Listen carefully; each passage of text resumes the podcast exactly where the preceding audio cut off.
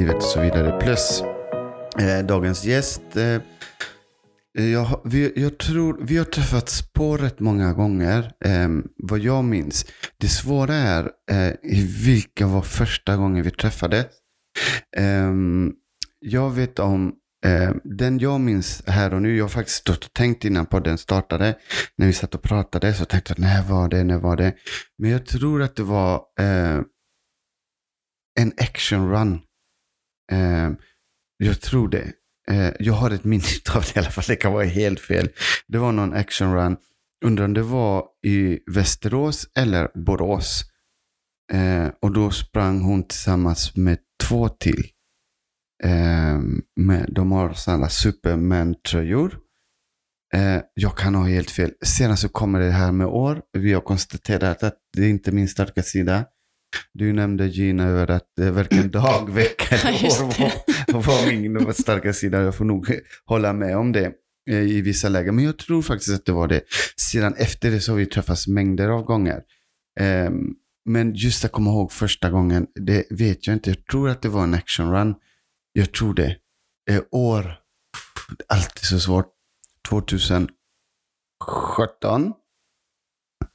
2018 fotograferade jag också Action Run. Ja, jag, jag håller mig till 2017. Sen så vet jag att vi har träffats i andra sammanhang. Men första gången jag håller vid 2018 säger jag. Bara för sakens skull. Eh, Jean. Mm. Ja, jag är lite osäker. Jag har fått för mig att det var i Backamo, Backamo, men det kanske inte stämmer. Men jag tror att det var där jag träffade dig och Hanna och så hade ni eh, eh, Stålmannen-loggorna på tröjorna. Jag tror att det är första gången, men jag är faktiskt lite osäker. Vem är du som vi har med oss? Helena heter jag eh, och mitt minne är uruselt så att jag vet faktiskt inte riktigt heller. Men eh, jag tror att det kan vara ett actionrun, ja. Eh, Borås Eh, för jag tror att du fotograferade säkert Hebbe och så kom vi säkert fram där. Ja. Så skulle jag gissa att det var. Och Backamo, det kan nog också stämma. Ja. Mm. Backamo, eh, förra året då? Mm. Ja. Ja, för jag... Eh, saken är, det svåra är, eh, i och med att eh, man har varit med i så många lopp, vilket du också har varit med i så många lopp, det är att hålla reda på vilka, för vissa har serier. Och då blir det så här, ja, jag vet om, för jag har fotograferat för eh, Action Run jag tror två, tre år så fotograferade jag för dem. Och då är det så svårt att veta vilka, uh, jag träffade dem där, men i vilken av mm. loppen det var. Så det kan faktiskt ha varit eh, Borås. Mycket möjligt. Kul och roligt att du ville ställa upp. Ja, jättekul. Ja, eh, du var lite nervös innan här. Eh, Fortfarande ja, supernervös. Eh, det, det, vi brukar säga det till alla gäster, för vi är lika nervösa som gästerna mm. eh, innan det släpper alltihopa. Du, vi har träffats, för det som inte vet, så vi, det mesta när jag pratar med någon så är det via OCR, alltså hinderbanor. Eh, och en grej som jag fastnade när vi träffades i alla fall, det var det här med eh, Superman-loggan eller super, eh, vad kallas ni för? Vi kallar oss för Stålmannen-tröjorna. Så ah. heter det. Så heter det. Och det, ni... det, var nog faktiskt eh, från någon, någon konferencier från Action Run som bara, ah, här kommer Stålmannen-tröjorna igen. Så det var nog de som eh, fick oss att ändra. Så då bytte vi namn. Första loppet vi sprang Action Run, då hade vi blåa tröjor. Ah. Och så när vi kollade på filmen efteråt så bara, alla har blå tröjor, vi måste göra något annat. Ja. Och då var det en kille i teamet som, ja, oh, kolla, ska vi ha Batman-tröja eller ska vi ha Superman-tröjan? Och då, då, var vi nog överens om att äh, vi kör på Superman-tröjan. Ja, varför mm. ändra? Batman finns ju redan där ute någonstans. eh, och härjar. eh, det var i alla fall det var en kul för man, ni, ni blev ju ganska igenkända. Ja, det var lite roligt faktiskt. Ja, mm. ni, ni, fick en, eh, en eh, en liten hype. Mm. Eh, in, för fan-teamet som, ja. ja eh, kul. Eh, fanns det någon tanke bakom just att det blev Superman och inte Batman? Vi tyckte då att den tröjan var snyggast. Han hade tagit hem båda tröjorna och så tyckte vi nog att den, men med lite, den andra var ju bara svart. Så vi tyckte att den här mm. var lite roligare som var lite röd i. Och, Nej, det, det... och Stålmannen är ju lite coolare också. Ja. vi har ju, eh, det är ni som står för Stålmannen. Ja, För jag så- tror inte det finns någon, i, om vi tittar så. Nej, jag tror inte det heller. Mm, jag har faktiskt tänkt på det. Det, det finns inte, inte vad Men man ser på. ju er tydligt i de tröjorna. ja, det är jätteroligt. Ja, Ja. Det, det, och, och kul, eh, för det tycker jag är jätteroligt att man sticker ut lite. Ja, vi är de glada motionärerna Ja. som liksom, Ja, ja, jätteroligt. ja eh, för en utav, eh, för du har sprungit också med Fun Squad ett par gånger va? Ja, Eh, och, och där har det inte funnits någon, nej, inga Superman hos dem. Förutom du då. Eller ni ska jag säga. Han har också sprungit. Eh, ja, några, men vi har nog sprungit mer med Jason, både jag och Ah, Hanna. Det stämmer. Fanskåd var jag nog iväg själv och sprang Just det. och... Ja, det, ja, det stämmer. Mm. Det stämmer. Eh, Robert, eh, också en jätterolig karaktär. Ja, Eh, han träffade också på eh, i, i eh, Action Run. Och det var så jätteroligt för jag hade sett han i en annan lopp. Och detta var jätteroligt för då var ju jag och min son eh, Robin. Eh, och så fotograferade vi för Action Run i, och så hade vi sett han. Och så sprang vi efter han. Och så kom vi under en, eh, eh, en ja ja, alltså vi stakade han på riktigt vi ville ha en bra bild på honom. Och så kom vi under en bro och det var ett stort nät under bron. Eh, men vi, det vi inte hade tänkt på att det var på båda sidorna av bron fanns nätet. nej. Så han bara försvann. oj. Och vi blev görsura. Oh. Så här, hur kunde vi tappa bort den? och vi stod där jättelänge och väntade på han. Ehm, och jag tror faktiskt att det var det loppet. Nej, jag ska inte. Ja, jag, ska, jag ska ha det osagt. Jag ska, Spekulerar ja, spekulerar jag väldigt mycket här. Ehm, ja, eh, eh, som alla andra gäster så stakar jag dem i, på sociala Du är medier. riktigt stark. Ja, jag är riktigt Det är Det lite har- Men du är nog, du är, ja, kanske en trevlig stalker. Ja. Eh, Ja, vi får hoppas. Ja, man vet aldrig. Nej, det har, alla gäster har sagt samma sak. Jag följer dig på alla sociala medier du har. Det låter jättedumt, jag har bara två sociala medier. Men i, de i alla fall. Vad vi Eh, vet. Vad vi vet Mm. ja. Det jag, man, när man följer dig på sociala medier det är att du, eh, eh, du är multisportare. Jag är nog lite... eh, Ja, men jag, jag, kallar mig nog mer för en glad motionär som vill hitta sätt att utmana mig på kanske. Men som den glada motionären och se liksom, vad, klarar, vad klarar kroppen av? Ja. Vad kan jag göra? Vad, jag är inte speciellt bra på något. Jag är inte kanske urkass heller, men jag ligger väl på mitten någonstans och vill prova Ja, för, olika saker. jo, för Med bucketlisten som man vill. har du en sån?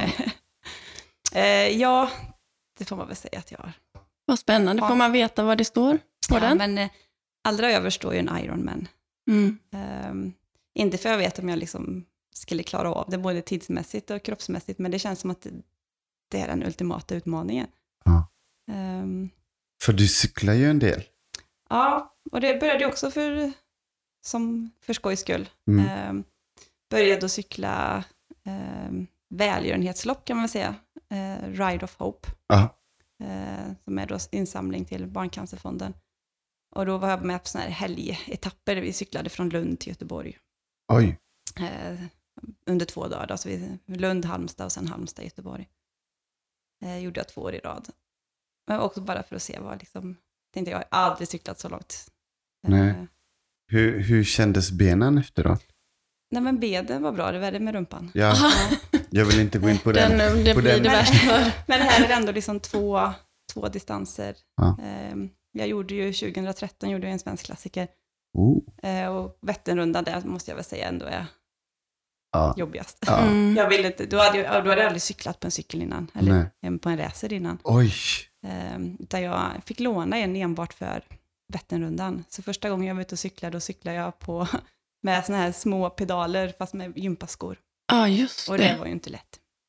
Nej. Eh, sen köpte jag mig ett par riktiga cykelskor och provade som att sätta mig på cykeln in i garaget. Jag kunde hålla mig fast i väggen så man inte skulle vurpa stillastående, för det är ju konstigt när fötterna sitter fast. Ja, just det. Mm. Ehm, Provade inte du eh, spinning innan?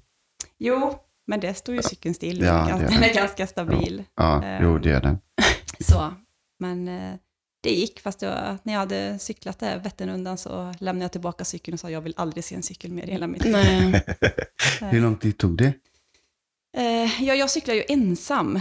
Eh, jag påbörjade egentligen, för det, det är också, eh, den här svensk klassiker är också något som har stått eh, högt upp på min bucketlist. Så jag på något sätt så började jag prata med, grannens, eh, eller med grannen och han sa att hans dotter ville göra en klassiker. Och på den vägen började vi då att vi startade med Vasaloppet 2013. Eh, och då så sa ju hon och jag att vi gör det här tillsammans. Eh, så vi gjorde Vasaloppet, vilket också jag tyckte det var, alltså jag frös och jag tyckte det var, det var långt och det var, det, också det jag körde jag ensam för att de, hon körde med sin pappa så de kom lite efter mig.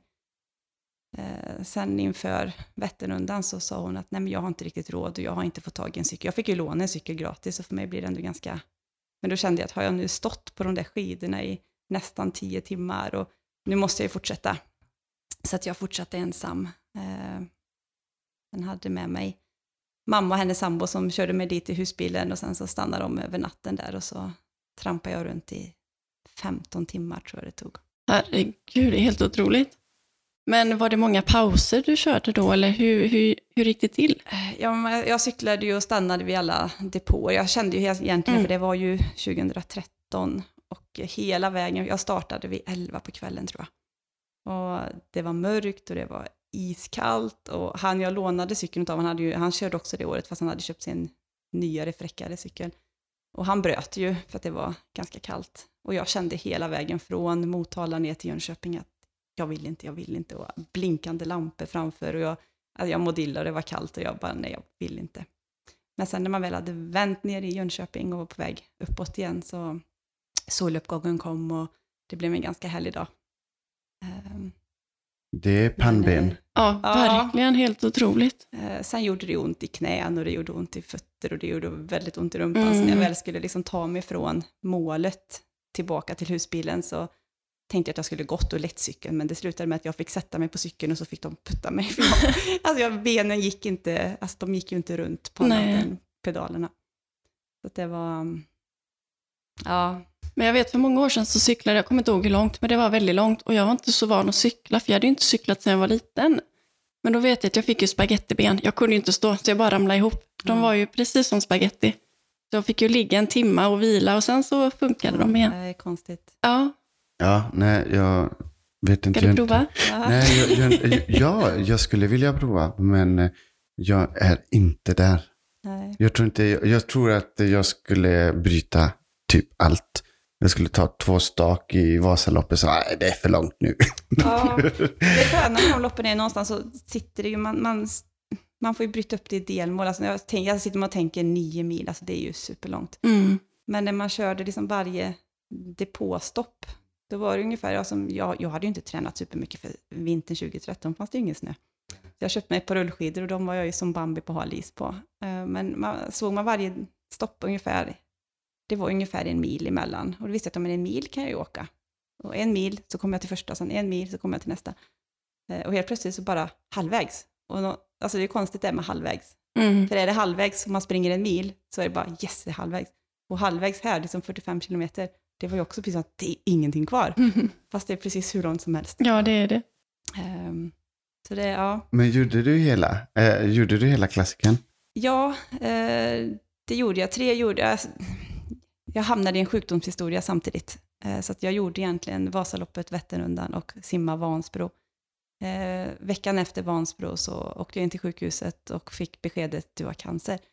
Så att eh, min, ja, först slutade jag fundera. Jag höll för öronen och bara tittade upp i taket. Tur att jag hade en kompis med mig som frågade alla frågor som behövdes vetas, för jag, jag, liksom, jag slutade lyssna. Um, um, sen kom tankarna, men jag har ju bara Lidingöloppet kvar. Då var det det som var min liksom, stora förlust. Alltså, jag vill ju inte göra om de andra grejerna. Uh, och jag har Lidingöloppet i september och vad ska man liksom... Och de sa att det, det går ju inte, det kan du inte göra. Um, sen började man fundera på mitt hår, jag vill inte tappa mitt hår. Och när de, sen sa de att vi vet inte så mycket förrän vi väl har opererat dig och det gör vi nästa vecka. Så man kastades in i, det var högkostnadskort direkt, det, var liksom, det gick superfort. Mm. Uh, men jag hade en aggressiv, snabbväxande cancer, en bröstcancer som heter trippelnegativ, som oftare drabbar yngre. Jag var 33. Um, ehm, och man gör ju egentligen sin första mammografi när man är 40. Ja. Så att, uh, det var en bit dit. Mm. Vad gjorde så att du undersökte det? Eh, ja, nu kommer det roliga med att man får säga att det är tur att ni killar ibland är lite brösttokiga. Eh, jag hade träffat mitt livs kärlek i Sydafrika faktiskt, på en golftävling. Jag var med en, um, en av mina bästa killkompisar, han spelar South African Disabled Open. Uh, och där nere så träffade jag mitt livs kärlek. Mm. Uh, och han sa ju då att, så han var ju med mig på uh, Vätternrundan. Jag tänkte att han kommer aldrig komma, för han var från Holland, så jag tänkte att han kommer aldrig komma, komma hit. Men vi liksom tog hand på att okej, okay, jag kommer att titta när du cyklar och så är du caddy åt mig på en tävling i Paris. Jag bara, ja men visst. Eh, sen då så kände han ju den här knölen och den var ju, den var ju två centimeter, inte superstor men det var ju ändå... Men det är ganska när, stort. När hade den kommit liksom? Mm. För de sa att den var snabbväxande och aggressiv och med spridning då. Så um, eh, han kastade sig väl in i att han, han flyttade hem till mig ganska fort. Eh, och var med både på Vätternrundan och sen hade jag ju gjort eh, mammografin veckan innan jag simmade Vansbro, men någonstans så la mig bort tanken att ja, men, det är ingenting, varför skulle det drabba mig? Det händer liksom 4 procent under 40, det, det, finns ju inte. Um, men så var han ju med när jag fick beskedet och, och även, för han pratade inte svenska just då, så då en, en tjejkompis var med. Så att, eh, då sa de att du har, eh, eller det, det vi hittade var liksom aggressiva cancerceller och du opereras nästa vecka. Uh, så där, där, sen gick det gick ju fort då. Uh, så då opererades jag och då fick jag också veta att det var, det var först då man fick veta att det fanns en spridning. Mm. Och vilken sort jag hade. Um, och sen var det ju bara, det här var ju 24 juli opererades jag. Och sen så i augusti så startade ju cellgifterna redan. Och då 14 dagar tog det så tappade jag mitt hår. Uh, och jag tror aldrig jag gråtit så mycket i hela mitt liv. Jag vaknade på morgonen och alltså man har ju sett det i filmer och man har liksom, men alltså det är konstigt hur, hur verkligheten är och att det faktiskt, jag vaknade en morgon och hela kudden var full med hår och när jag tog i håret så bara, alltså det bara lossnade. Det känns ju så overkligt. Ja. Eh, Nej, samma men det känns som en skräck bara det, att man men- inte har sitt hår. För jag, och det, alltså för oss tjejer och kvinnor så är det så viktigt Ja. med vårt hår. håret och brösten, är, alltså det var ju min första Ja. tanke, vad händer nu? Liksom? Ja. Det, det är ju liksom, det sitter så mycket i håret och Men det brösten gör det. man liksom blir, eh, sen fick jag ju en superfin peruk. Ehm, och nu hade jag inte den jättemycket, för jag var ju så rädd att den, tänk om jag tappar den den blåser bort, liksom, så går man där helt flintskallig. Men eh, de dagarna kände man sig ändå liksom, ah, det var ganska lätt att dölja att man var flintskallig. Tills ögonbryn och ögonfransar trillade av. Då såg jag ju ut som en levande zombie. Då, var jag ju, då såg man ju sjuk ut. På riktigt. Eh, Men ehm, när du var under behandling och allt sånt, var du kvar på sjukhuset eller fick du pendla? Nej, eh, ja, cellgifterna fick jag ju hemma i Lidköping, där jag kommer ifrån. Ehm, på onkologen där. Och där eh, det räknas ju också, alltså man är ganska, eller jag, var, jag räknades ju som ung. När man är under 40 så räknas man som ung. Så jag fick ju en ganska stark dos. Eh, så jag fick en omgång cellgifter och sen ehm, så var jag däckad i tio dagar. Jag, jag, jag gick inte upp ur sängen på sju dagar och sen fr- från dag åtta till tio så kunde jag liksom börja resa Mm. på mig och det var blodsmak i munnen och allt smakade metall och man ville inte äta och man eh, åt, jag åt ju liksom 40 tabletter om dagen för liksom aldrig har tagit några typ värktabletter och så bara hur mycket som helst. Eh, sen hade jag två veckor till att kroppen skulle återhämta sig och få som tillbaka alla vita blodkroppar som, som då dödades. Eh, och så fick man ju åka tillbaka till sjukhuset innan man skulle få, dagen innan man skulle få cellgifter igen, för att liksom veta, har liksom din kropp återhämtat sig? För har den inte gjort det så fick jag inte, alltså var jag för svag för att få liksom, nästa omgång, då fick man vänta lite grann.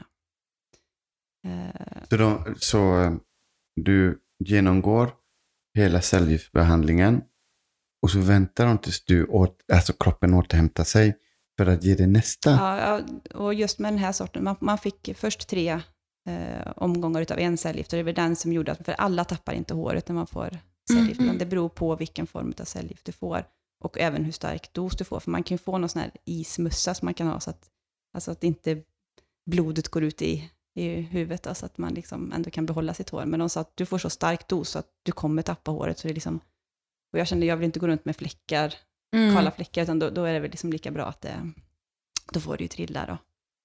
Eh, Så tre omgångar utav en sort. Och den var ju, den jag, då låg jag ju till sängs sju dagar.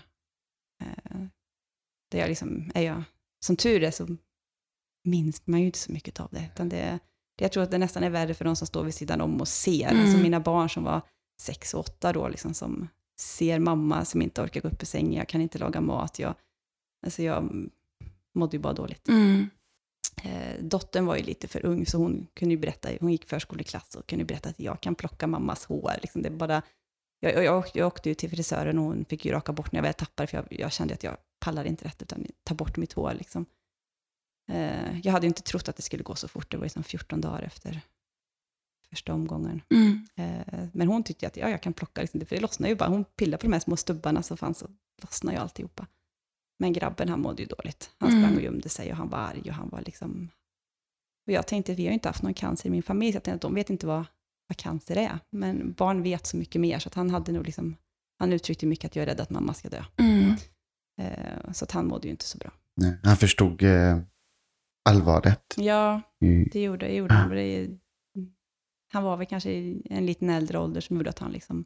Och hade hört kanske kompisar som kanske säger någonting. Mm. När han berättar att mamma har cancer så kanske någon annan säger att ja, men det... Man vet ju inte, Nej. men barn vet. De vet så mycket. Ja, de gör ju det. Mm.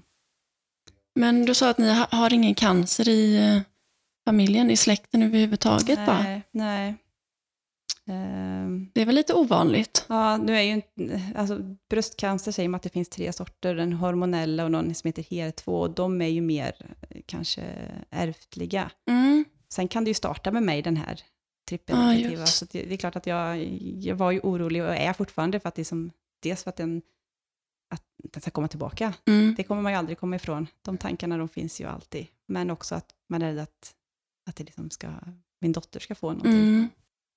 Eh, och det är också olika hur det ser ut i landet. För jag har ju förstått på de jag har pratat med att hade man kanske bott åt Uppsala så har man ju, många har ju fått göra någon sån här liten, eh, att man kan kolla om man har en sån mut, eh, mutation.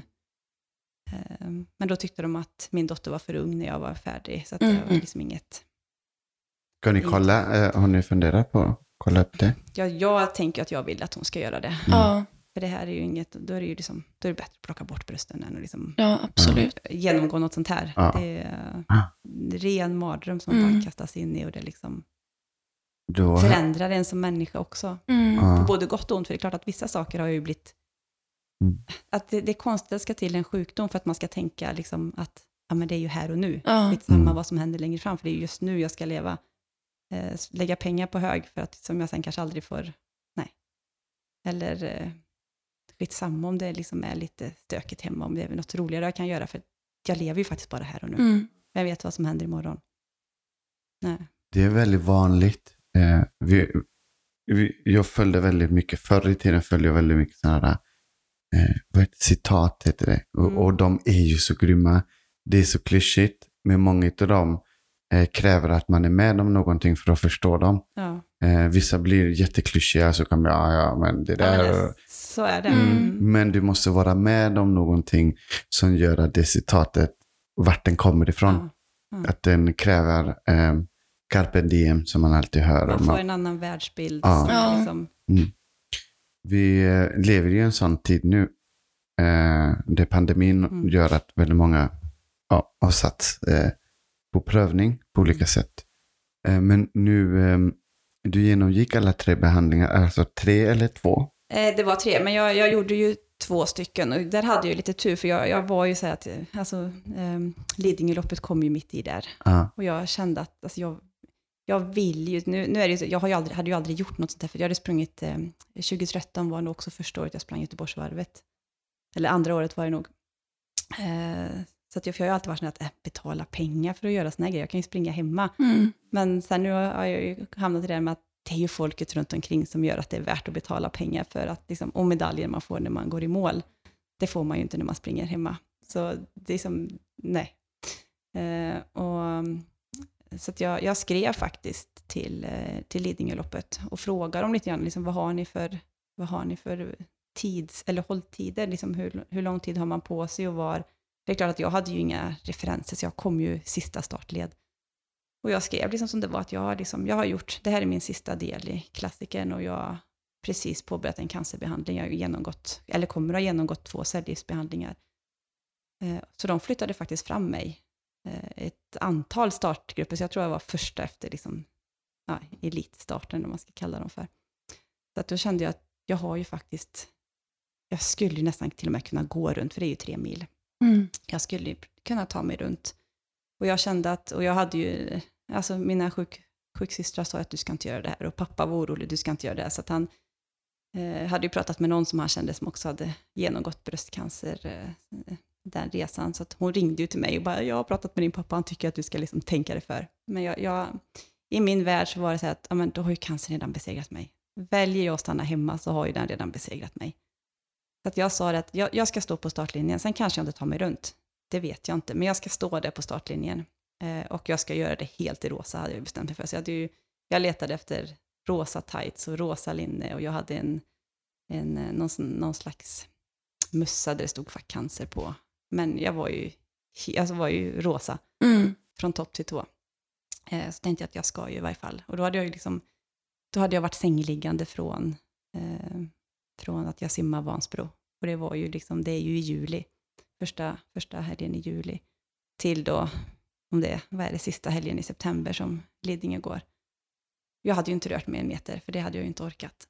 Eh, men jag kände ändå, det var ju så att allt folket runt omkring fick mig liksom att känna att, ah, så att jag sprang faktiskt en och en halv mil. Oj. Sen tog jag totalt slut. Ja. Men eh, jag gick runt. Mm. Eh, så fyra timmar tog det för mig att ta mig runt. Eh, och hade då, för då hade jag ju med mig den här killen jag hade träffat, Mm. han var ju med mig upp. Så att han hade, när jag kommer på det som kallas för förvarningen innan, så hör jag hur de säger i högtalarna att vi letar efter en tjej helt i rosa. Då hade han ju liksom hört, först hade det kommit in någon över mållinjen som, hade, som sagt att nu har hon klarat en svensk klassiker. Och han bara, men hallå, här har liksom min tjej, hon, har, eh, hon gör detta liksom sjuk. Så han hade gått och pratat med dem och de hade följt mig hela sista biten. Så när jag då kommer på, Mm. så står alla och applåderar. Och då, jag försöker ju springa Ja. på något konstigt sätt, Ja. full med kortison i hela kroppen. Så jag var ju ganska svullen och rund överallt. Och, men alla bara applåderade, så då, då sprutade ju tårarna. Ja. Det var ju så känslosamt när man liksom tog sig över mållinjen och så hade man klarat en svensk klassiker och sen var Mm. det bara hem in på sjukhuset och så försvann den glädjen. Liksom.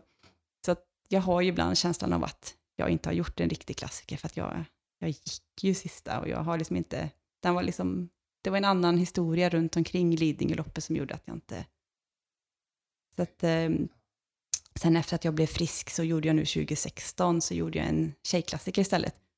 Och den vinsten känns ju ännu större. Mm. Då är det ju bara en tredjedel av allting, så den är ju jättemesig själva distanserna, för allting är ju så kort.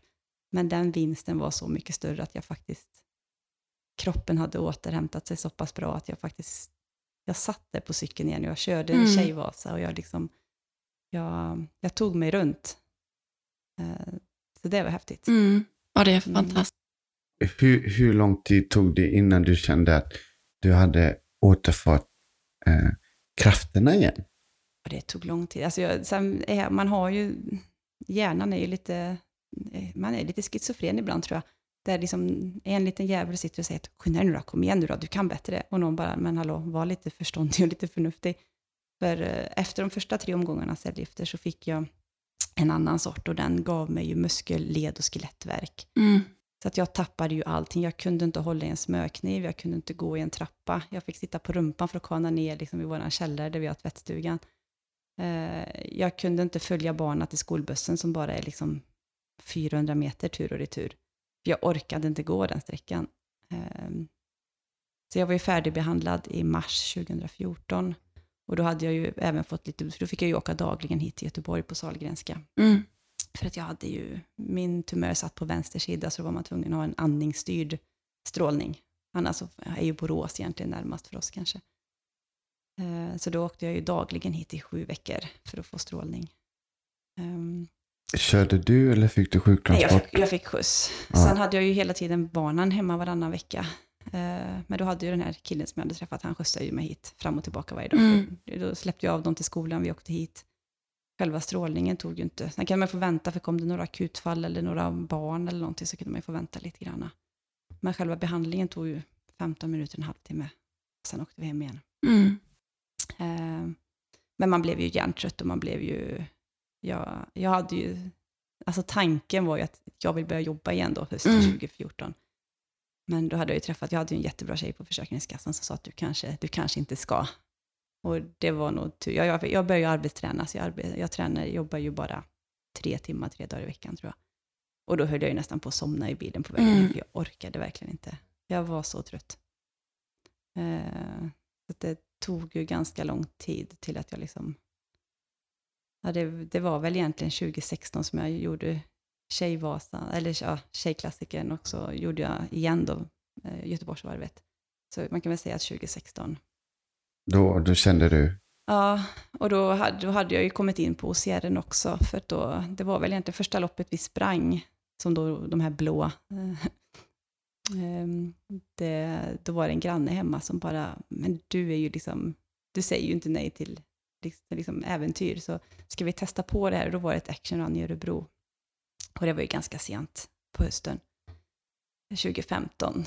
Och då var vi ganska, jag tror vi var sex, sju stycken som sprang tillsammans, eller sprang, vi gick runt. Och jag tror inte jag klarade många hinder, det var, liksom, det var straff på nästan allt. Men vi gjorde det som en kul grej, och det Ja. var liksom ett gäng som gjorde det och vi skulle bara ta oss runt. Eh, sen sa vi 2016 att vi testar Toughest i Stockholm. Och det var väl egentligen då det drog igång med. Då hade vi Stålmannen-tröjorna och vi liksom, det där är väl våran start Mm. på Stålmannen-tröjorna-historien. men... eh, Och den det passar dig så bra tycker jag. Stålmannen. Ja, Tycker du verkligen är en superwoman. det måste man säga. Mm. Eh, för jag, jag har alltid fascinerats av, eh, jag har alltid varit så fascinerad av hur hjärnan fungerar. Det är spännande. Ja, eh, i, I lägen eh, som kräver annat, Mm. eh, till exempel när man, det du har varit med om, hur man tar sig igenom mentala bitar. Det är det, den biten av, eh, som jag är intresserad av. Ja. Och det, det är nog så, för ju- just då var jag ju också, jag, jag tror ju att hade jag hamnat i ett annat läge, nu var jag ju dödförälskad och träffat mitt livs kärlek. Mm. Nu var det här ju bara en virvelvind som bara, han får ju bara in och sen får han ut igen lika fort. Men eh, utan honom så hade jag nog inte tagit mig igenom detta på samma sätt. För jag var ju, alltså, han fanns ju vid min sida hela Mm. tiden. Och det är så mina kompisar har sagt nu efteråt, för vi, eh, vi gifte oss ju efter att jag var färdigbehandlad. Eh, så sommaren 2014 gifte vi oss. Eh, och eh, sen så liksom, ja, vi var väl gifta fyra, fem månader, sen försvann han liksom hem igen. Och, eh, det var nog, mina kompisar har sagt att det är så här du får se det, liksom att han kom in och räddade ditt liv. Mm. För att jag hade inte stått här idag med den, med den spridningen som jag hade till lymfan och aggressiv. Ehm, så att eh, det var nog hans, hans syfte i livet, att komma in och Mm. rädda mig. Och liksom, Men det är det. Men Det är det. ja, Ja, det känns verkligen Ja, så. ehm, Han kom av en anledning Mm. Ja. och det var det. det var Mm. svårt att se precis just då. För Ja. det var ju liksom, och man precis har gått igenom alltihop och man var liksom, man trillar ju ner. Mm. Men eh, när tiden går, och det är ju, tiden är ju, den är ju vår vän ibland. Ja. Men ehm, ja, Nej, eh, han, jag tror fullt ut på det. Jag tror att vi träffar, det är samma när man pratar med, vi, vi har jobbat inom samma yrken, eh, lärare eh, med barn och ungdomar. Eh, och när man hör ibland ungdomars berättelser, jag har bara- jag har jobbat väldigt mycket i högstadiet, men när man hör ungdomars berättelser, nu när de blir äldre, eh, och så berättar de, ja ah, men när jag träffade den läraren, eller förändrade saker, mm. och det var den lärarens, alltså det var därför läraren fanns där. ja. Eller jag träffade den coachen inom det här, därför förändrades saker. Och jag tror faktiskt på det. ja, man är ju det man är idag Mm. utav alla, Mm, allt som har hänt tidigare. ja. precis. Eh, men du springer Toughest.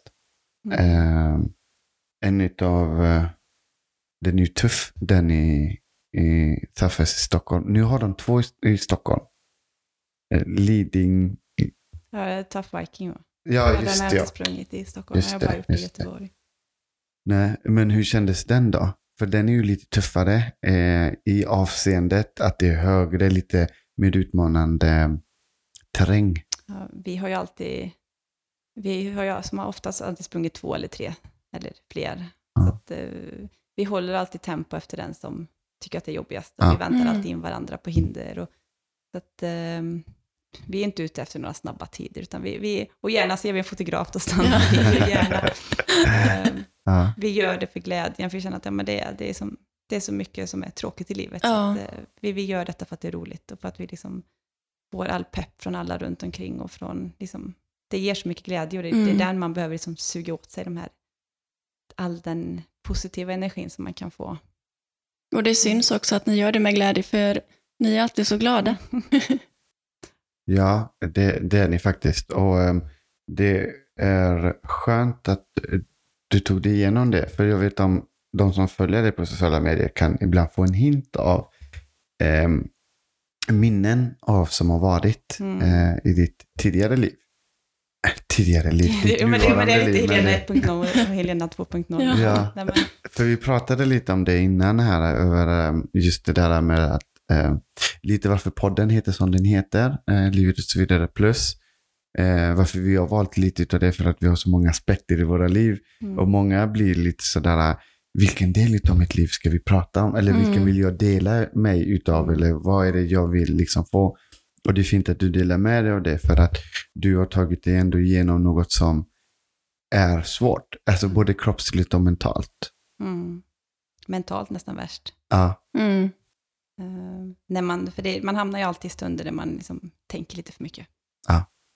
Och det gör man inte när man är tillsammans med andra människor, för då är det så mycket annat som tar över. Så det är Mm. det som är så härligt med Ja. all positiv energi man kan få av. För jag jobbar med barn, man lever hemma ensam med barn. Det Mm. blir liksom, man behöver Ja. vuxna i sitt liv också. Mm. ja det gör man. Och det är just OCR-sporten är så, det är så många härliga vuxna som, man, man hjälper varandra, kommer man till ett hinder och man kanske inte kommer upp, någon ger en knuff i baken, Mm. man får liksom en extra hand där, eller jag drar dig upp för rampen, eller, så det är så, alltså den här, um, alltså de här snälla människorna, det skulle man ju behöva mer i livet på andra ställen också. Där Ja, absolut. räcker en hjälpande hand, liksom. Mm. jag står där uppe på rampen och hjälper dig. Du, du kanske inte klarar allting på egen hand, man måste kanske behöva den där hjälpen från någon annan också. Mm. Och det tror jag. Jag tror inte vi klarar oss själva i livet. Vi måste ha andra människor Mm. som hjälper oss ibland. Ja. Ja, alltså man, kan ta, jag, jag tror man kan ta sig igenom ett liv själv. Det tror jag att man kan. Men den är svår. Ja, ja. Eh, jag tror att man, man, man, man liksom försvårar. Har man människor runt omkring sig. Men det blir alltid lite, lite lättare. ja, det är väl därför det heter en hjälpande hand. Ja. Ja. Alltså, ja, man behöver, man kan behöva eller en extra liten push eller Mm. lite pepp när man känner att det här klarar inte jag. För det är så lätt att hamna i negativa tankar ändå. Ja. Men säger någon det, liksom ger en liten spark i baken eller vad som helst, så ja, nej, jag- alltså, man behöver lite pepp och lite, ja. För eh, vi hade en tidigare gäst där vi pratade om sådana ultra, ultralopp. Eh, som liksom så här 5,2 mil springa upp för berg och sådana här grejer.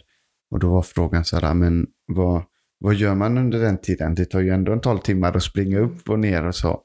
Ehm, och då är det ju just det där, eh, då pratade hon om ehm, att lära sig att skjuta bort tankar. Mm. Eller att befinna sig, ja nu har jag ont där. Ja, så är det. Jag har fem timmar kvar att springa, så har jag ont där. Det är bara så. Ja. Eh, gilla läget. Eh, och så eh, för henne då, hitta pauser, mikropauser. Då kunde hon byta skor.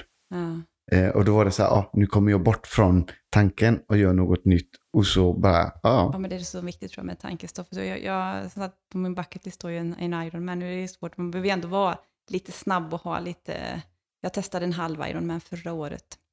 Och det är ju också, jag var väl bland de sista i mål, men jag, vi har lite den här mottot hellre sist än inte alls. Mm. Eh, Så det är så skönt med sådana lopp där man faktiskt får ta sig i mål, även fast man inte är snabbast.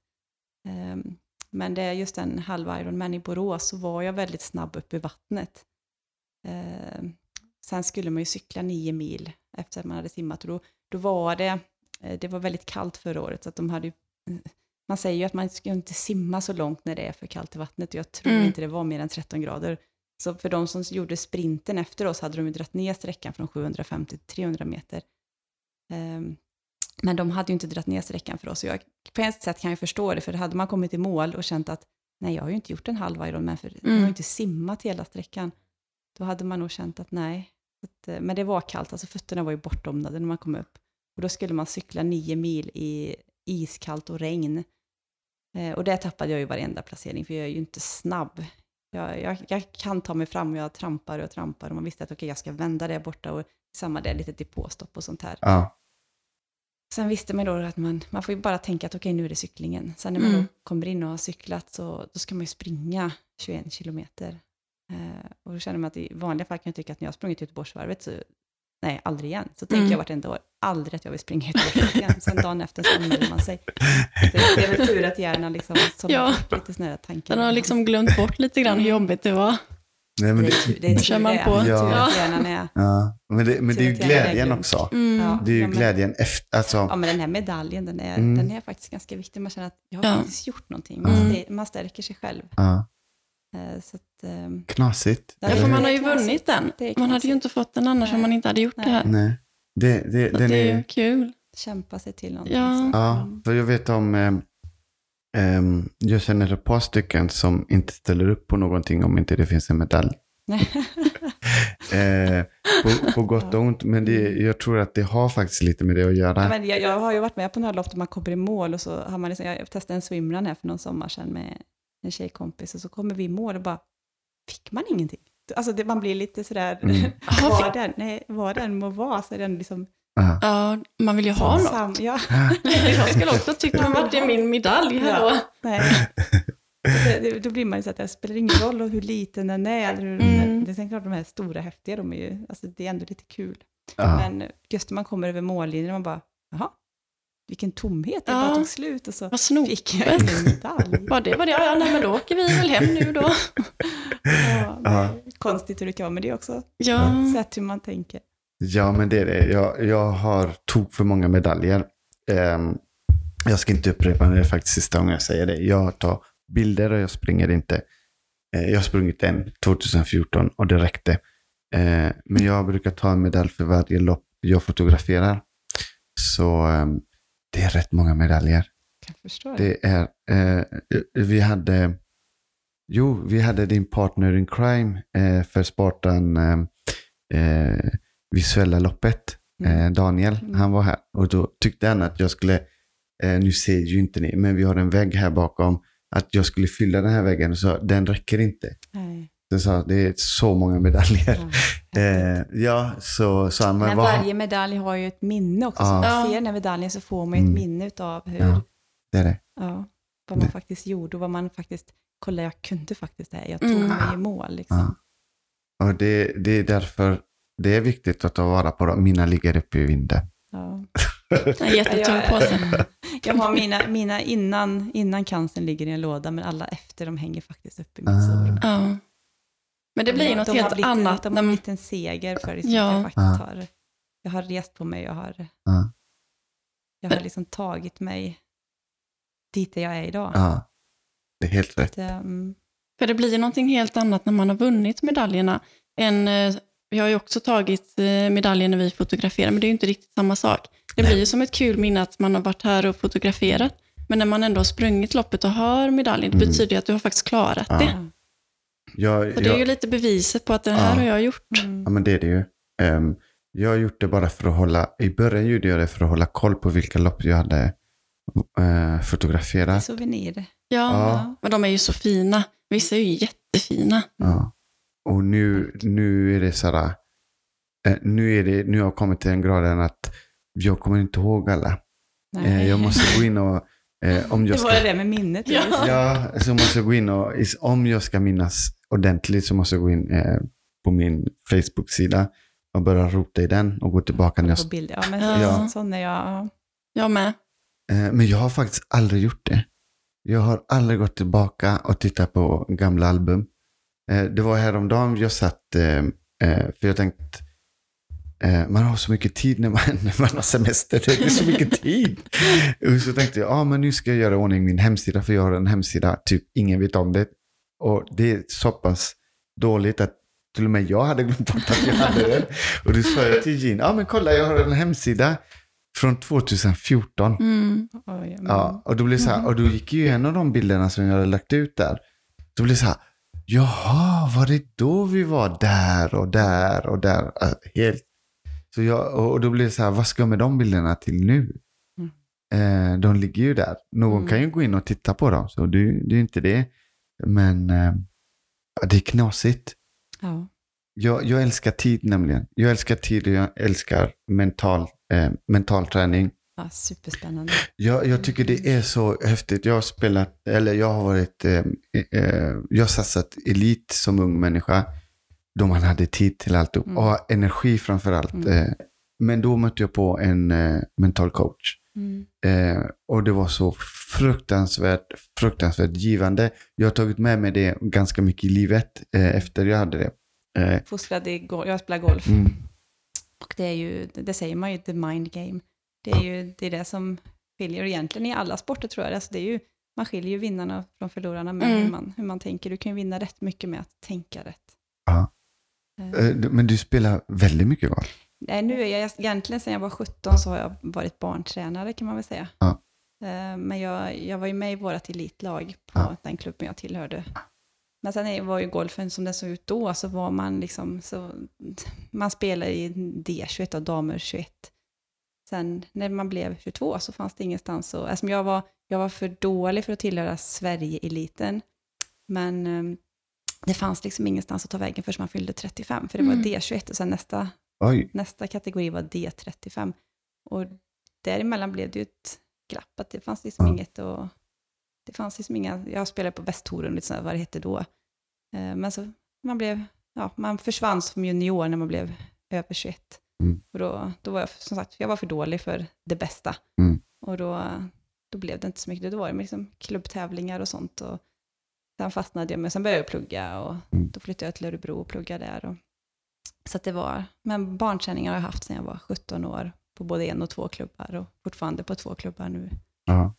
Så att det, det, är nog mer, ja, det var nog det min mentala bit, att jag, man liksom, den här bollen den måste i hål. Och då gäller det verkligen att tänka rätt, att man- det sitter vinsten i det här, alltså det blir så mycket. Mm. Så att jag har nog lättare, jag har läst otroligt mycket mental träning och mental rådgivning och gått Mm. kurser och sånt där. Men eh, det är så mycket lättare att tala om för andra hur de ska tänka, än Ja. att Mm. tänka rätt själv. Ja. Jag är otroligt dålig på att tänka rätt själv, ja. faktiskt. Men det, det det är ju det som är skillnaden. Um, alltså, eh, ofta så brukar man säga så här, eh, nu är väldigt många coacher eh, före detta eh, spelare eller utövare Mm. av sporten. Förr var det ju inte det. Nej. Förr var det ju någon som var faktiskt duktig på att coacha. Ja. De var inte duktiga på, på sporten i sig, Nej. men utan duktiga på att motivera. Mm. Eh, och det är ganska intressant tycker jag. Eh, att, och då var det framgångsrika coacher och tränare och sånt där. Eh, just på grund av att de förstod, jag tror att de Mm. förstod eh, spelet Mm. eller eh, sporten eller det som utövades som tränare. Nej, men det, det är Mm. nog så att vissa kanske är gjorda för att tävla och de andra kanske just för Ja. att coacha. Ja. Att man har, eh, så att det är lättare att hjälpa andra än att hjälpa sig själv. Så Mm. du är en coach. Ja, jag skulle nog säga. Ja. Jag är bättre på att peppa andra. Mm. I, i, i, I golfen, eh, kanske i. Ja, För ja men du, kanske, kanske, jag är idrottslärare så Ja, jag kanske är bra på att peppa mina elever där också. Ah, Faktiskt. eh, hur, hur hamnar du i idrottslärare? Ja, men alltså jag, jag har nog, eh, från första början så har jag väl hållit på med idrott. Sen jag är så uppvuxen med idrott, det var ju som allt. Det var fotboll och bordtennis och handboll och orientering och, och så var det ju golf och Mm. eh, ja, provade ju på liksom allting. Sen blev det ganska tidigt valet då mellan handboll, orientering eller golf, som jag kom med i. Och på något sätt så slutade jag, jag vet egentligen inte varför det blev ensamsport, för jag vet inte om det riktigt är den jag är Mm. om man ser till vad jag gillar att göra idag med att ha så mycket människor som möjligt omkring mig. Men det blev golfen i varje fall. Ja. Ehm, jag tror i och för sig att när man var som 13-årig tjej där och märkte att oj, på golfbanan finns alla snygga killar. Det, det kanske var därför jag hamnade där. Det var så allt Det började. var så allt började, ja. Så tror jag. Eh, sen att jag började träna barn som 17 var väl då att jag tyckte att golfträning var så himla tråkigt. Man gjorde samma sak varje gång, varje gång, varje gång. Man stod på den där mattan och man slog bollen och tränaren sa lite grejer och Mm. sådär. Och, och det gjorde man från att jag, ja, men jag, från att jag, jag började väl spela när jag var en 8, 9, 10 kanske sådär. Och det var så tråkigt. Ja. Eh, så fick jag ju chansen då som typ 17-åring att eh, hjälpa till att ha en barngrupp och då, då är mina yngsta har ju varit fyra Mm. är de Ja. allra yngsta som jag har haft. Och vi leker ju bara. Vi Ja. leker. Och det, det, alltså det, är rätt, det är rätt kul att få betalt för att leka. Ja, Eh, Ja. Så att någonstans där kanske drömmen om idrottslärare liksom eh, föddes. Jag har alltid i och för sig velat bli veterinär, men jag insåg ju ganska snabbt att mina betyg kommer ju aldrig räcka och jag kommer inte orka plugga så länge så att de ska liksom räcka till att bli... Och det hade jag nog heller inte klarat av alla sorgliga stunder, för då är jag, då är jag nog för blödig för det tror jag. Mm. Um, sen var det en period då man sa att nej, men, data ska man jobba med. Eh, just för att det, det är där pengarna finns. Mm. Nej, men alltså, jag, hade ju aldrig, jag hade inte pallat en dag, jag hade ju blivit rastlös och eh, äh, nej.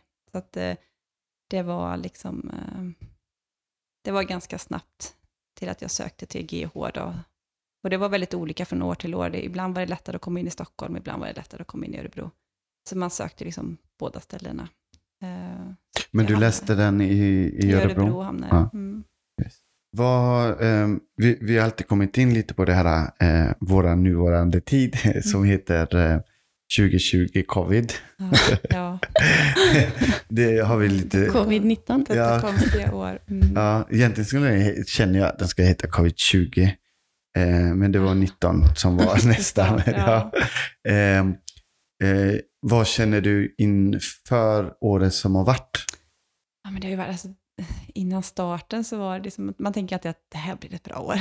Det här är liksom, och jag, jag lever ju ensam med mina två barn och min dotter hon fyllde ju 12 i augusti förra året. Och hon har ju varit så sugen, hon älskar ju OCR. Och vi tränar ju mycket hemma på vårt kroppslabbet i Lidköping. Och hon har ju längtat efter att få, äntligen få följa med mamma och storebror och springa Mm. de här military fitness, för de har ju 12-årsgräns. Eh, Men då fyllde hon ju för sent, så då fick hon ju inte vara med i Backamo i fjol. Mm. Så att i år hade vi anmält oss och det är som ensamstående mamma tre stycken lopp i, ja, i april, tre stycken biljetter nu då till i augusti och så får hon inte vara med på någonting. Nej. Eh, Så det är väl så året har sett ut, att jag, jag, när jag är ensam varannan helg så har jag försökt att, alltså det är så tråkigt att sitta hemma ensam. Så att eh, jag har ju verkligen försökt att boka upp mig på någonting varje helg som barnen inte är hemma. Ehm, Då har jag försökt åka på någon, så jag har ju, jag har ju letat lopp och åker. Alltså jag åker, jag har, och i fjol gjorde jag likadant. Jag åkte ju på en tävling nästan varje helg. Ehm, inte för att jag är bra, utan bara för att det är roligt. Och Mm. alltså det är mitt sätt, det är min vuxenkontakt jag har. Ehm, så att jag var nog anmäld till hur mycket lopp som helst i år, och så bara man liksom inställt, inställt. Vi hann ju springa, eh, hon fick ju vara med och springa eh, arenaran som vi var på i Stockholm. Det var vi iväg och sen så var ju jag också iväg i Danmark, Mm. eh, Revolution Race där. Så det var ju de två man hann med i år. Ja. Sen har det ju bara varit allt inställt. Man bara, Mm. jaha. Eh, så ganska deppigt ja, men det blir ju det. faktiskt. Men vad har du hittat på istället då? Nu har vi ju alltså, jag får ju ändå vara glad att vi har kroppslabbet hemma. Mm. Det är ju en gång om dagen nästan jag är där och tränar. De kör ju OCR-pass och eh, riktigt bra. Det är verkligen försöka.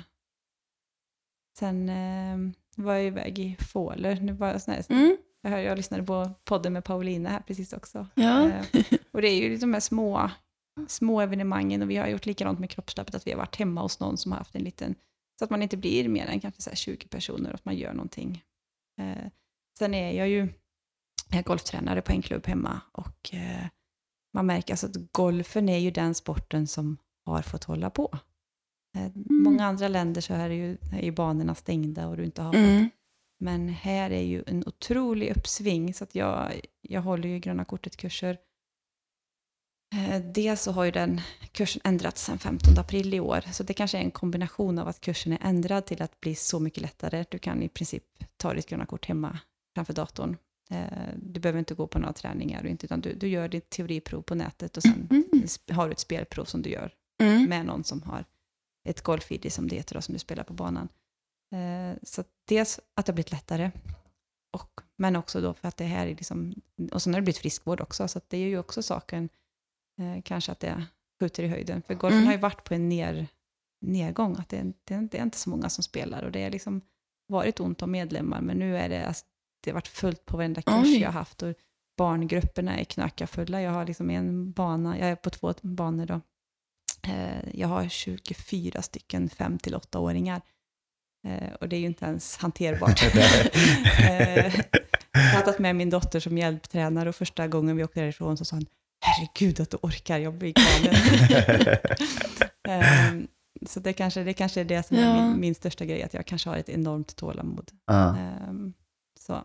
Men det var ett Men- bra år för golfen då i alla fall. Ja, det har varit väldigt Verkligen. bra för, ehm, för det är det, du, du går inte på varandra, du, En Nej. i skogen på den sidan och en i skogen Ja. på andra Ja. sidan. Och, och liksom när de har gjort eh, Mm. lite, lite förändringar, att man inte ska liksom eh, plocka i flaggan och man ska inte röra på grejer sådär. Så, så är det Ja, liksom. Och du, fyra timmar ute i frisk luft, det är ju en otrolig friskvård. Ja. Mm. Det är det.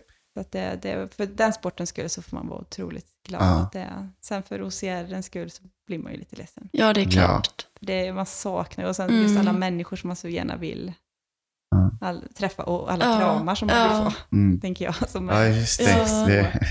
Nu är det, nu är det restriktion på det. Ja, det. Nu får hålla tillbaka Ja. kramarna. Men du har ändå sprungit ett lopp till som var ändå eh, virtuellt och det var Spartan eh, Ja, Race där. Ja, jag och Daniel, har sprungit två Ah, virtuella. ja, två har var det. Mm. Ja. Eh, Det var lite väl han- annorlunda. Ja, han ringde också bara, men du säger ju aldrig nej, nu kör vi och då tänkte jag, ja, ja, jag måste då testa och se vad som går. Mm. Men Ja. det var, ja, vi hade faktiskt pratat om, för vi var ju, nu var vi på olika håll, för jag åkte med ett gäng från kroppslabbet och han åkte med en, en annan kompis och Ja. sprang eh, Spartan i Åre i höstas. Just det. Eh, Men då pratade vi redan om att det vore så kul att få testa, alltså, det är ju den här bucketlisten med att testa en sån trifecta, Mm. där man kör de här Ja. tre loppen under två dagar. Mm. Eh, Ja. man blir ju så här, så att, vad, vad kan ens kropp klara av och hur, liksom, hur mår den efter de här utmaningarna? Och det är ändå rätt spännande. Ja. Så att, eh, och sen kom det då tal om att det skulle vara då en sån trifecta weekend i Danmark. Danmark. Just. Ja. Eh, och vi säger att vi lever på hoppet Ja. att det Mm, fortfarande ska ja. bli någonting. Men, För eh, den är, är planerad eh, september, eller? September, Ja, jag kommer inte ja, ihåg, men nej. september, oktober någon gång. Om det var sista helgen i september Mm. eller första i oktober, något sånt där var det. Pro, pro, Men, ehm, Problemet tror jag blir mera, eh, jag tror vi pratade om det eh, med en av våra gäster, ifall folk vill ha, ha svenskar. ja, Eh, vi är lite, ja, ja, vi är lite, Ja, vi är lite mobbade. vi, är lite, vi är lite mobbade. Ja. ja. Mm, så är det nog. Ingen Så- som tycker om oss. Nej. Vi tycker om varandra i alla fall. Det är någon i alla fall. Vi får hålla ihop i de här, Ja. de här tiderna. Ja. Så jag, jag tror att det är mera det, det som är problemet. Eh, om Mm. folk litar på att vi gör rätt. Mm. För det kan ju ingen. Nej, och det, det kan man ju inte veta förrän allt det här är över. Nej, Ja, det vet vi Det ju faktiskt inte. Jätte... om fem år. Om fem år. Eh, men- fem år efter det här är färdigt så har vi riktiga siffror. Mm. Just nu, eh, Ja, men det kan ju Oh. bara spekuleras i Ja. hur det är och hur det ser ut. Mm. Och, just nu är det Ja. så. Mm. Jag har jätteåsikter om det, men jag vill inte säga det nu. Jag har, jag har åsikter Men om sen kan man ju såklart, vi kan ju lära oss något av det här. Ja. Mm. Att, att man alltså, du- stanna hemma när du är sjuk, hur svårt? Alltså, Ja. Det, och så, vi har väl, man, ibland kanske man är lite för duktig, att man liksom, nej men jag åker och handlar ändå, eller jag åker och jobbar Ja. ändå, eller jag, Mm. Mm. och det här med, alltså, Mm. noga med handhygien. Alltså, man, Mm. man, har nog ändå, man får nog ändå lära sig någonting Ja. av det här Ja. på ett tråkigt sätt, men Ja. eh, det är nog ändå viktigt att tänka att det är. Det är inte bara mig jag påverkar, utan jag påverkar Ja. så många andra. Och så får man hoppas att människor fortsätter tänka på det sen när det här har lagt sig också. Mm. Så att det har blivit en, liksom, en sån viktig Ja. läxa nu, att det inte bara försvinner när vi är färdiga. Ja, ja, men precis. Att folk tänker på det, att man måste tvätta händerna. Mm.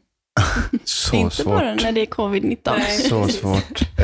Hur svårt kan det vara? Ja, man tycker det är lite tvål och lite vatten. Mm. nej, vi, vi har tagit upp det på gånger. Alltså vi är alltid där, lite covid-grejer, men vi tar också upp det precis så som du säger nu. Att vi tar lärdom av det här. Mm. Eh, för det är för mycket. Nu, nu har inte vi någon tv, eller jo, vi har en tv, men vi har inga kanaler. Ja. Så vi slipper hela... Ja, men jag, och jag, är sån, jag, Ja. jag tror också att efter min, alltså jag, jag bryr mig faktiskt, jag, jag, orkar, alltså jag orkar inte, Nej. man orkar inte. Nej. Nej. Det finns Nej. mycket annat jag kan göra istället. För ja. liksom. ja, nej. Ja, men det är väl till en viss gräns, Ja. känner jag. Jag har också Ja. lyssnat jättemycket, men nu så gör jag inte det. Jag Nej, vet men- att det är här omkring oss. Man ska vara försiktig. Mm. Och då är man ju kan, det. Man kan inte orka lyssna hela tiden. Nej, Nej. nej. Det blir lite tjatigt. Nej, men jag, jag tror att vi kommer att komma ut eh, väldigt... Jag hoppas på att vi kommer... Eller jag tror faktiskt fullt ut på att vi kommer att komma ut ganska bra. Eh, och när eh, väl allting, alla får för sig att öppna allting, att eh, det kommer att se ut lite annorlunda. Men jag tror också att det annorlunda kommer att vara väldigt bra. Väldigt bra. Mm. Jag, jag tror på att annorlunda är en positiv sak. Mm. Eh, det har alltid gjort att eh, eh, det annorlunda kommer faktiskt att, att bli bra. Mm. Och det här är ju Och det annorlunda. handlar ju igen om hjärnan och hur man tänker. Ja. Klart, Ja. Tänker jag att det annorlunda alltid är dåligt, Mm. det är klart att då har jag redan bestämt mig för att det är det. Ja, Så det är ju absolut. återigen Ja. Nej. Nej. Vad, hjärna, vad vi kan göra med vår hjärna. Ja. Mm. Att vi Och- tänker rätt. Och vi, ehm, och jag känner ändå att du känns positiv. Trots att alla stopp. Ja, men det är ju så. Det, det sätter ju stopp för väldigt mycket. Jag, ha, jag hade tvillingar som tog studenten. Mm. Eh, de var inte så himla glada Nej. eh, på hur du såg ut. Eh, Medan den ena tvillingen då, han, han var, han brydde sig inte skit av, av, studenten. Eh, där. Eh. Medan den andra var lite mera, han ville lite Men mera man har ha. sett alla andra tidigare Mm. år och man vill liksom ha det på samma sätt. Ja. Det har inte varit. Men jag, jag har försökt att peppa dem med att säga att det är ingen annan som kommer att ha det så som ni hade Nej. det.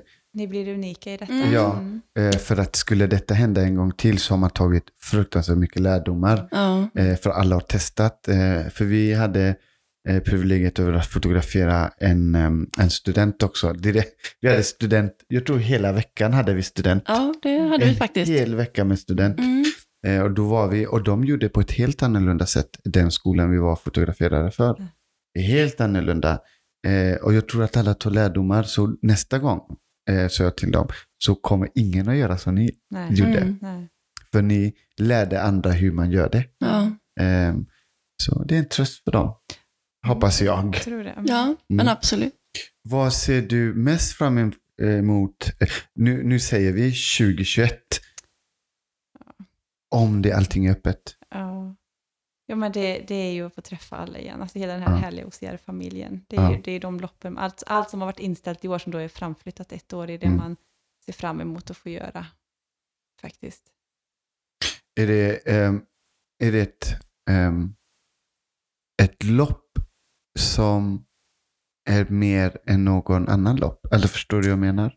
Um, alltså nu, har vi, nu var ju egentligen vår startpunkt, säger vi ju, är eh, Taffes Stockholm. Så vi Ja. gillar ju Taffes Stockholm. Mm. Eh, det skulle ju blivit vårt vad blir det, femte år i år, så det hade varit väldigt roligt att få gjort det. Mm. Och å andra sidan så är jag ju jätteförtjust i Oslo och Holmenkollen. Ah, Jag tycker att hela den, eh, hela den banan, hela den miljön är helt fantastisk. ah, Den, är, den är magisk, så den, den, eh, den, den slår högt. Faktiskt. ah. Och när man är där Ja. uppe och man ser hela Oslo Ja, och, jag, och nedanför jag som är sig. så sjukt höjdrädd, alltså jag är så höjdrädd så att jag, Oj. helt galet.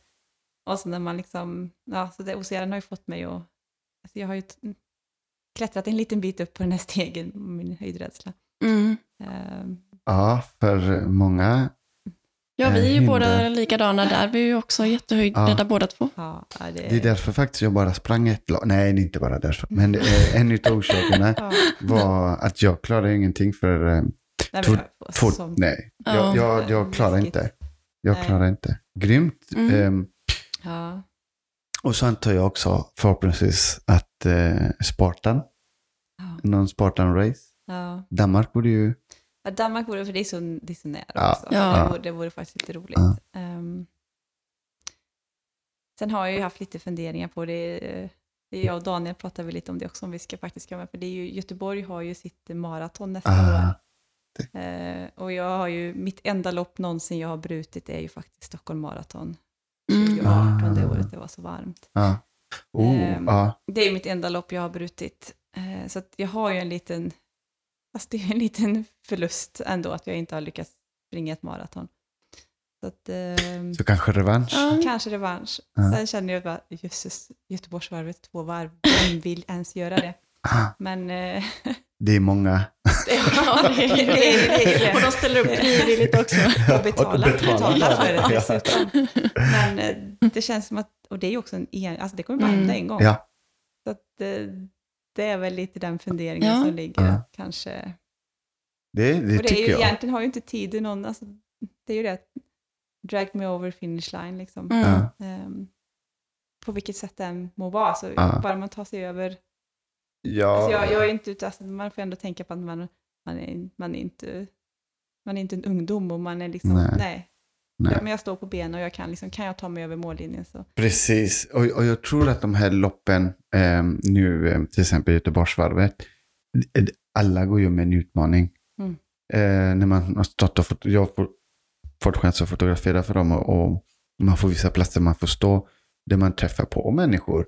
De, de är, är- bara glada att de kommit Ja. halvvägs. Alltså Ja. de springer hela, eller går, eh, men är väldigt, väldigt, väldigt glada att de ändå gör det. Mm. Kommer de i mål och så är de eh, sura. Vissa är väldigt glada, några är sura för att de kunde ha sprungit de här sista där- kilometern ja. eller sista... Alltså jag har ju ändå en dröm att ta mig, alltså jag är ingen snabblöpare, Nej. eh, utan jag gör det bara för att det är roligt. Ja. Men jag, man har ju ändå den här drömmen om att tänk att ta sig under två timmar. Ja. Ja. Eh, och det var Oj. 2018 så sprang jag på två timmar och 34 sekunder. Oh. Då blir man ju så när man kommer över att, men alltså då, igen då, 34 sekunder är inte lång tid, men tänk dig burpees i 34 sekunder, Mm. så är det sjukt lång tid. Ja. Så det är ju, Alltså, det är ju vad, vad spelar det för roll? Ja, Nej. precis. I det långa att loppet, man har gjort spelar det. det för roll? Mm. Ja, men... Ja. eh, Nej, men huvudsaken är att man gör det och att man har roligt. Ja. Ja. Och många som springer Göteborgsvarvet, de har ju kul på vägen och pratar med sina anhöriga och vänner och sånt där på Ja. vägen. Mm. Ja. Och sen Jag- fortsätter de att springa. Ja, jag vet min bror har haft också någon sån här tid. Men han har aldrig klarat av det på grund av att han hälsar ju på allt och alla. Han Ja. stannar Ja. upp och tar bilder. Och, Ja, nu har ju under två år även sprungit för Ung Cancer och kände att Mm. det, då gör man en god sak i det Ja. hela också, att man liksom Mm. Ja, absolut. skänker lite pengar till... Ja. För det finns så många som faktiskt inte kan. Alltså jag, jag har ju känt det flera gånger att jag gör det här för att jag kan. Mm. Det är så många som inte kan, samma som när jag har cyklat de här loppen Mm.